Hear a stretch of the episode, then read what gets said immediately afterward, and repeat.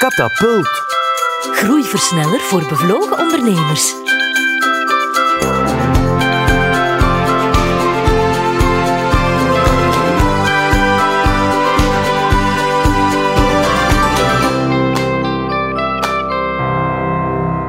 Welkom, beste ondernemer, bij een nieuwe aflevering van Katapult, de podcast waarin we elke week op stap gaan met een boeiende ondernemer. Door hun ervaringen met u te delen, staat u er niet alleen voor en maken we de toekomst haalbaarder en duidelijker. Vandaag schuimen we de zenne af, samen met Didier Pierre. Zeg eens, Christina, wie is meneer Pierre en waarover gaan jullie het vandaag hebben? Didier Pierre is de man achter Nearly New Office Facilities, voortrekker in de circulaire economie met als motto: bijna nieuw is minstens zo goed als helemaal nieuw. Telg uit een meubelverhuisfirma die met de jaren geëvolueerd is van verhuizen naar recycleren. Als ik hem in één woord zou moeten omschrijven, dan zou ik zeggen passioneel. Hij is passioneel begaan met het milieu, met anders consumeren, met de dag van morgen die opnieuw beter zou moeten worden dan die van gisteren. Circulaire economie, biodiversiteit en guerrilla-consumptie, dat zijn de thema's die opduiken in ons gesprek. Een vernieuwende denker die door te doen bewijst dat het kan. Waar lopen we nu, Didier? Nu lopen we langs de Zenne. Langs de Zenne, gezellig. Langs het fietspad. Deze wordt uh, een fietssnelweg, of is een fietssnelweg in wording. Ja. Naar Brussel gaat die gaan en die gaat dan zo verder lopen. Uh, dus hier wordt wel wat gefietst, een beetje. Ja. En, en we lopen hier, dit is een verbindingsweg tussen uh, twee sites van jouw bedrijf? Ja. Ja, we hebben zitten op de Radiatorenstraat en eentje op de Monelaan. Dus uh, eigenlijk drie activiteiten. Uh, we hebben een bedrijf dat zich bezighoudt met de inrichting van de kantoren, het uitdenken van kantoorconcepten. We hebben een bedrijf dat zich bezighoudt met uh, verhuizingen van meubelen, installatie van meubelen, herstelling van meubelen, transformeren van meubelen. En we hebben een bedrijf dat zich bezighoudt met meer onderhoudstaken binnen kantooromgevingen. Ja, hoe en waarom eigenlijk ook vooral kom je er eigenlijk toe om van meubels verhuizen te evolueren naar meubels recycleren? Ja, dat is. Uh, goh. Hoe kom je daartoe? Uh, een stukje een persoonlijk verhaal, denk ik, uh, op een gegeven moment. Ik weet niet meer wanneer dat was. Ik zeg altijd rond 2000, maar dat kan 2005 ook geweest zijn. Ik uh, ben mij gaan verdiepen in klimaat en de klimaatproblematiek. Mm -hmm. En eigenlijk was ehm, mijn beslissing stond vast, ik ging hier weg. Uit weg, Vlaanderen? Uit, oh, uit Vlaanderen. Uit we zijn alles kapot aan het maken en we zijn dat nog altijd aan het doen. Dus uh, ik heb toen een huisje gekocht in Frankrijk. Onze papa vond dat zeer raar. Wat gaat er nu weer allemaal aan het uitsteken? en dan dacht ik van, ja, de manier waarop dat wij gewoon omgaan met alles wat we krijgen, zit gewoon helemaal fout in elkaar. Nu in die periode, toeval bestaat niet of bestaat wel, dat weet ik niet. In die periode ben ik ook in contact gekomen met een bedrijfje dat uh, carbon footprint berekeningen maakte ja. van bedrijven. Ik vond dat interessant, dus we hebben dat op dat moment uh, ja, voor al onze activiteiten laten doen. We waren toen nog niet zo uitgebreid als nu. En dan op basis van die berekeningen van die carbon footprint, ik denk dat wij een van de eerste bedrijven zijn dat een carbon footprint heeft laten maken, zagen wij dat we wel wat emissies konden vermijden door dingen te doen en dingen niet te doen. Hè. Hm. Ongeveer 20% van de activiteit in de verhuis bestond eruit en bestaat er nog altijd uit hè, voor het leegmaken van gebouwen en wegsmijten van inboedels. Ja. Ondertussen zaten wij ook in een activiteit waar dat wij nieuwe meubelen installeerden. En als je ging kijken, dan ja, voor elke vrachtwagen dat wij meubelen installeerden, smeten wij eigenlijk een vrachtwagen weg. Daarvoor niet bij dezelfde klant. Hè. Dat is totaal absurd. Langs onze kant smijten weg en we gaan installeren. We smijten weg en we gaan installeren. Ja. Uit die carbon footprint en de methodiek dat ze toegepast hadden, mochten vermeden emissies in kaart brengen. En vermeden emissies, dat is wat dat het woord zegt, door iets te doen of niet te doen, vermijd je de emissie van het te doen of het niet te doen. Ja. Dus het herstellen van meubelen, het instaatstellen van meubelen, het verhuizen van meubelen, was eigenlijk een activiteit hè, waar dat je minder emissies uitstoot dan dat je nieuwe meubelen gaat zetten. Mhm. En dan zijn we daar eigenlijk over beginnen na te denken van wat kunnen we eigenlijk met die oude meubelen meer gaan doen, zodanig dat, dus, dat we die zo lang mogelijk in die economie kunnen houden, want we gaan daardoor de emissies kunnen vermijden van nieuwe meubelen. En daar is die activiteit opgestart, dat zal ondertussen een goede tien jaar geleden zijn. En dan wisten wij wel van, ja, maar eigenlijk zijn we wel op een toffe manier bezig, want het hergebruiken van meubelen of het herwerken van meubelen, pas op voor de fietser. Ja.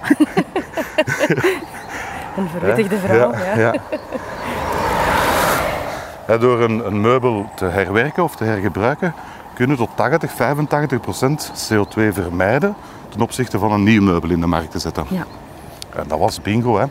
En als ik dat dan zag van wat dat we eigenlijk via onze activiteit kunnen doen, want het meest ecologische is niks doen. Hè. Je moet gewoon niks doen, gaat onder de grond liggen, dan is het eigenlijk het meest ecologische. Mm Verhuis niet, blijft gewoon zitten dat je zit. Maar bon, je moet verhuizen of je moet je opfrissen of je moet, enfin, je moet meegaan met de tijd. Als je naar een kantoor in de richting nu gaat kijken en je vergelijkt dat met tien jaar geleden, ziet er toch wel fundamenteel anders uit. Maar hoe kun je dat dan ja, met zo weinig mogelijk impact gaan doen? En dan wisten wij van, ja, maar als we dat allemaal kunnen doen, dan kunnen wij 80, 90 procent emissies gaan vermijden. Ja. Dus wij wisten tien jaar geleden al, en dat is mogelijk, dat als je zo gaat werken, ja, dat je tot dat soort van resultaat kunt komen. Dus als ze tegen mij zeggen dat je in 2050 met 80 procent minder moet, dat is zeker, want je kunt dat vandaag al doen. Ja. En zo zijn we daar eigenlijk ingerold. En vond je ook een reden om hier te blijven? Ah ja, dan was er ineens een doel. Hè. Ja. Maar de bedoeling is wel om aan de slag te gaan met materialen die al aanwezig zijn ja, bij de, klant. kantoren, ja, bij de klanten. Bij de klant zelf. Dus dat is ook zoiets. We willen in eerste instantie een oplossing bieden voor de afval die de klant zelf zal genereren. Dus wij zijn niet een partij die meubelen van partij A opkoopt om die te gaan verwerken, om die dan naar de markt te brengen. Ik denk, ook qua wetgeving zitten we daar nog niet helemaal goed. Maar wij zijn een partij waar dat die klant zegt van oké, denk eens mee na over de nieuwe inrichting. En denk dan een keer mee na van met alles wat we hier bestaand hebben, in welke mate kunnen we dat verwerken om tot die nieuwe inrichting te komen. Mhm. nou. Je hebt samen met Geert Machiels een boek geschreven, Eeuwige Winst. Ja. Zeg, en, en die titel, um, Eeuwige Winst. Ja. Uh, dat is een mooie belofte, hè? Eeuwige winst ja, maar door geloof... circulaire economie? Verder valt te zien als we het goed aanpakken. Hè. Um, verder, door een circulair leven. Want allee, economie is ook maar een onderdeel van het leven. Ja. We moeten dan niet over. Nee, maar, maar ik denk als we, ruimer. Ja. Het ma... nee, het moet ruimer. hè. We zitten niet in vakjes. Iedereen denkt dat we in een vakje zitten, maar we zitten niet in vakjes. In, allee, alles hangt met elkaar samen. Ik denk als je naar de natuur gaat kijken en hoe, hoe dat er. Allee, hoe de, dat de natuur zijn eigen in stand houdt door, door eeuwig te blijven dingen doen die wij zelfs niet weten dat je dat moet doen, moesten wij een beetje anders omgaan met, of een beetje radicaal anders omgaan met onze grondstoffen. Op een heel andere manier terug ons inbedden in, in onze maatschappij en in de natuur. Denk ik wel dat je op een model kunt zitten waar dat je alleen voor iedereen goed kunt doen. Natuurlijk moeten we winst anders gaan definiëren, daar op een andere manier mee bezig zijn. Ja, hoe maar dat is wel mogelijk. winst? Goh, misschien uh, maatschappelijk relevant. Mm -hmm. ik denk maatschappelijk, alleen je moet de maatschappij of milieu, voor mij, wij maken allemaal onderdeel uit van het milieu. Hè. Dus eigenlijk milieurelevant. Hè. De maatschappij voor mij is een onderdeel van het milieu. Het milieu is geen onderdeel van de maatschappij. Ik denk, voor mij toch niet. Maar goed. Leefwereld, milieu. Leefwereld, milieu. Ik denk dat dat... En als je dingen doet waarvan dat je weet van oké, naar de toekomst is je belasting minimaal, maar geef er wel een toegevoegde waarde aan mens, dier, plant die er rondom je leven, dan denk ik dat je goed bezig bent. Maar dat is niet zo evident. En ik denk dat je dan een beetje ja, holistischer moet kijken zeker naar het geheel. En, en niet van oké, we hebben economie, we hebben privé, we hebben dit. Nee, eigenlijk hangt alles toch samen. Mhm. Dat op zich is eigenlijk al best wel vernieuwend. Hè? Een andere kijk op winst. Winst interpreteren als uh, relevant voor uh, het milieu, voor de leefwereld van de mensen vind dat, ja, voor mij is dat normaal. Voor jou is dat evident, ja. voor mij is dat evident. Maar dan, dan maakt ook dat, allee, ja, weet je, in de afgelopen twintig jaar hebben wij af en toe wel gezocht naar uh, externe investeerders, private equity, want allee, je moet die groei tot nu toe hebben die altijd allee, zelf gefinancierd en die vallen allemaal terug in het klassieke patroon hè, van wat is uw financiële winst en wat is uw rendement en wat is. En dat interesseert mij eerlijk gezegd allemaal niet. Van oké, hoe toekomstgericht zijn wat is uw impact en wat geeft dan werk aan de mensen mhm. en wat doet u terug goed voor... Uh, allez, wat, wat geeft u voor een stukje terug? Dus dat is, dat, is, dat is moeilijk, maar ik denk dat we daar ook zo moeten naar kijken. Mhm. In plaats van altijd bezig zijn met die cijfers. Dus gelijk met die beurs, zou dat moeten afschaffen voor een stuk. Maar ja, niemand wil dat doen.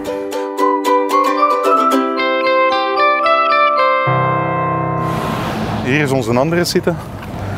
Die we eigenlijk, deze is een eerste logistieke biodiverse site van België ooit geweest. Oké.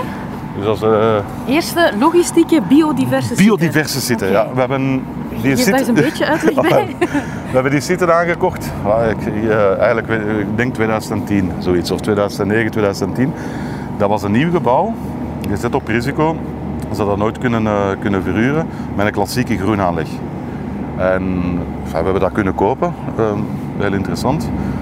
Maar ik ben toen ook mensen, want we geven nu ook biodiversiteitsadvies, ben mensen tegengekomen rond biodiversiteit en dit. En de Herman die nu voor ons werkt, is, was hier mee komen kijken en zegt hij, maar we moeten dat helemaal anders aanpakken. Biodiversiteit, hoe kunnen we dat binnen een logistieke onderneming gaan zoeken?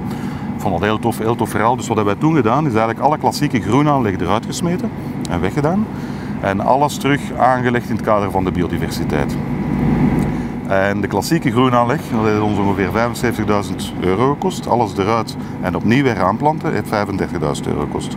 Uw onderhoudskost van uw site, ja, klassiek moeten vanaf wat is dat, april tot oktober om de 14 dagen maaien of kniepen of plakken. Ja, een biodiversiteit moet twee keer per jaar maaien.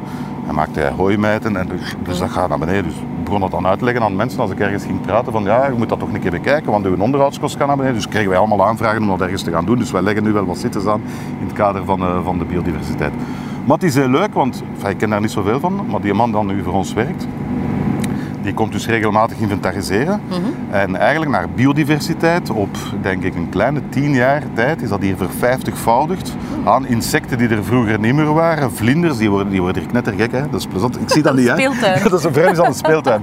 Maar wat dat we hier hebben gedaan, is eigenlijk daarachter is een natuurpark, of een natuurgebied, hè, de Deurend. Eigenlijk is de bedoeling dat je een soort hotelfunctie gaat creëren, zodanig dat die populatie eigenlijk van A naar B kan gaan en voldoende voedsel vindt. En dat blijkt hier heel goed te werken, dus we zullen hier een keer even Ja, eh, rondlopen. We hebben dat ook de laatste, allez, we hebben een heel stuk zelf aangeplant en aangelegd. Maar zo de laatste aanleg hebben gedaan samen met de klanten en met de medewerkers. En hebben de kikkerpoel afgewerkt eh, van achter en hebben die bijenhotels gemaakt. En dat was eigenlijk ook heel tof om te doen, want dan hebben we zo'n heel groot evenement hier ge- georganiseerd. Met workshops, hoe maakte nu vogelkastjes, hoe maakte bijenhotels, hoe legde een kikkerpoel aan. En ze hebben dat hier allemaal gaan doen, dus dat was eigenlijk wel leuk. Maar geweldig. Ja, dat was heel tof. Goh, ik denk, allee, ik denk de, de, allee, de consument. Hè, Er is nu zoveel allee, draagvlak, denk ik, voor die klimaatverandering. Hè. Ah, voor, de, voor de klimaataanpak. Hè. Alle klimaatambassadeurs. Hè, als je ziet hoeveel mensen, jongere eh, mensen dat er op straat zijn gekomen, wanneer was het afgelopen vrijdag? Maar als die morgen een keer beslissen om een keer anders te gaan consumeren, Ja. Hè? Die hebben ook een impact. Hè? En als die nu een keer, allee, ik, ik zeg niet, ik, ik ben niet, ja, ik ben wel, nee, ik ben niet tegen vlees eten, hè? dat gaat mij niet horen zeggen. Ik ben ook niet 100% veganist of vegetariër, maar wij eten niet zo heel veel vlees. Maar als, als heel die jeugd en ik zegt, ah, wel, we gaan een keer een week die dat doen, of we gaan een keer een week niet op reis, of we gaan een keer een week. Allee, dan, dan gaan de fabrikanten, het is altijd een allee, het spel van vraag en aanbod. Hè? Ja, dat is waar, Dus het is goed om te roepen, maar ik denk dat we niet beseffen, of dat er, ja. ja, dat er weinig jongeren beseffen welke impact dat ze zelf genereren door te doen wat dat ze doen of wat dat ze niet doen. Guerrilla-consumptie. Ja, ja, ja, ja, ja. Ah, Nieuwe ja, term. Ja, ja, dat, is- dat is een goeie. Ja, ja, ja. Hè? En, eh, en de overheid, wel, welke rol kan de overheid volgens jou spelen in het eh, anders gaan eh, consumeren? Of anders leven? Kijk, ik denk, allee, ja, er, zijn, er zijn grote stappen waarvan dat ik niet weet of dat ze die kunnen nemen. Hè. Uiteindelijk, ik praat dikwijls over mijn wit blad. Uiteindelijk denk ik dat we wit blad papier moeten pakken en zeggen van oké, hoe gaan we de economie aanpakken en hoe zou de economie er moeten eh, uitzien in een circulair model of een, meer toekomstgericht model. Want de manier waarop dat we het nu doen is echt niet toekomstgericht. En dat zou moeten uitgetekend worden. En dan denk ik dat je de ondernemers, ondernemingen voldoende tijd moet geven om van het huidige model naar dat nieuwe model te gaan.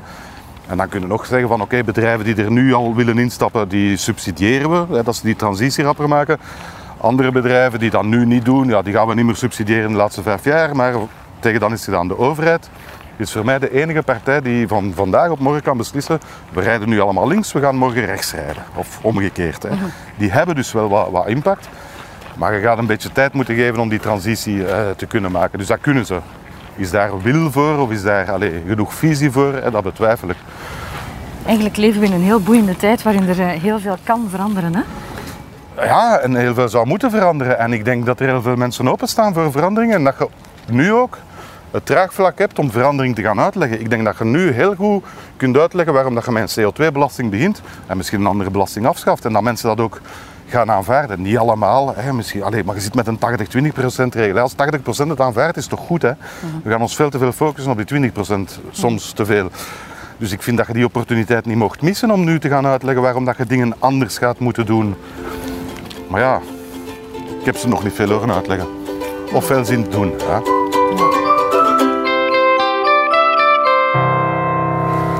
Leg jij het eens in een, eh, in een paar zinnen uit ehm, waarom we moeten veranderen?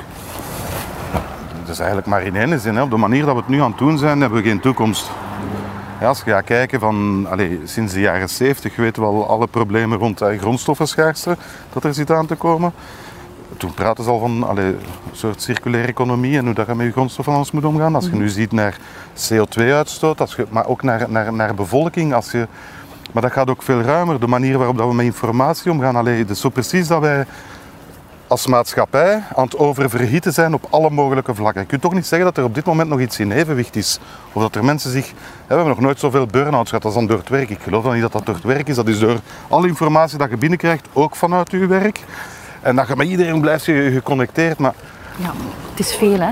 Het is heel, veel. En, en je moet het terug kunnen brengen tot de essentie. En de essentie is voor mij, op de manier dat we nu bezig zijn, staan we morgen op in een, op een wereld die er slechter aan toe is als vandaag. Hè. En of het dan nu, allez, er worden minder bossen aangeplant dan dat er verbrand wordt. Er wordt weer kolen uit de grond gehaald en dat er kolen bij komt, olie. Enfin, het moet allemaal afschaffen.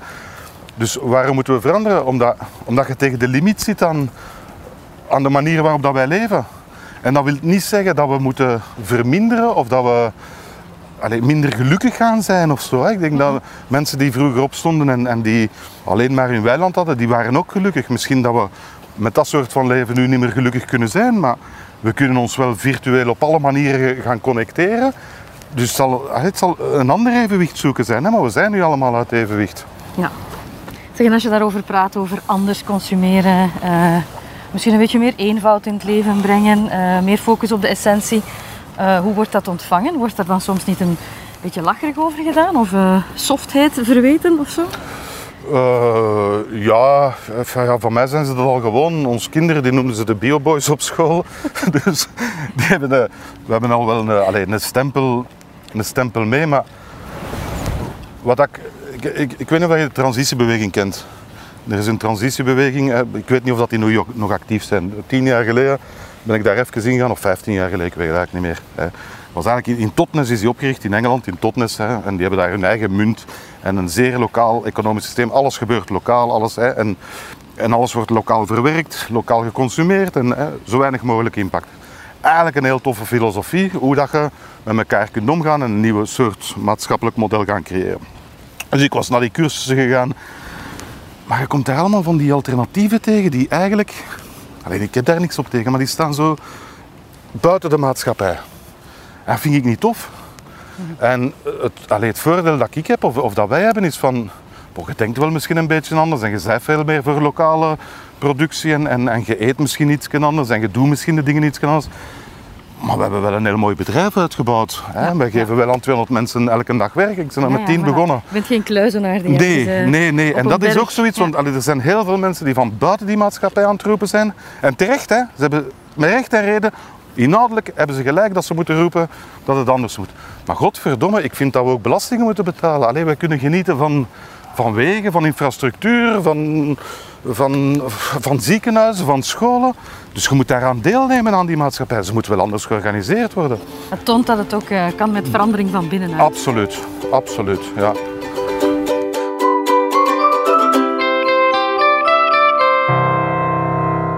Als meneer Pierre ooit een muziekband wil oprichten, dan heb ik alvast de perfecte naam voor hem: Didier en de Bioboys.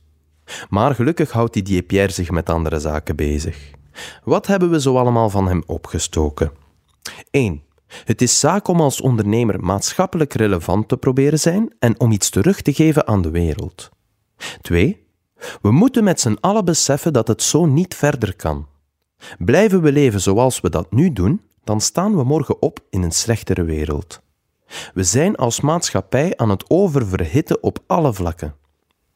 En drie, het is goed om af en toe eens luid te roepen, maar het is even belangrijk om te beseffen dat we allemaal een impact hebben.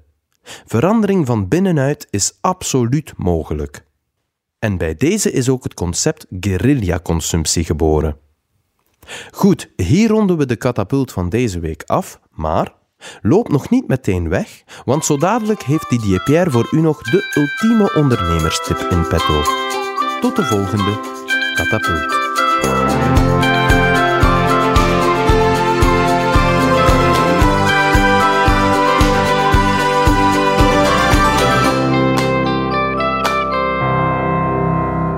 Deze podcast maakt deel uit van de Uniso Online Ondernemersacademie met podcasts, videolessen, webinars en online masterclasses. Alle info op www.ondernemersacademie.be. Gewoon doen. Punt. Zo simpel is het. Zo simpel is het. Gaan en doen en u die laten, ehm, laten tegenhouden door gewoon doen. Ja. En zie, allee, goed kijken waar dat gaan aan het werken zijn. Daar eigenlijk je energie uitputten, dat vind ik plezant. Energie putten uit waar je zelf, uit, uit waar je mee bezig bent. Uit waar dat je naartoe aan het gaan bent. Oké, uit je doel. Zonder te weten dat je het ooit gaat bereiken, hè? maar dat vind ik minder belangrijk. Het onderweg zijn. Het onderweg zijn, ja. Deze podcast kwam tot stand met de steun van Sintra Vlaanderen en Liantis. Liantis wil innoverende ondernemers alle ruimte geven om te doen waar ze goed in zijn. En daarom zette het met veel goesting en plezier de schouders onder deze podcastreeks.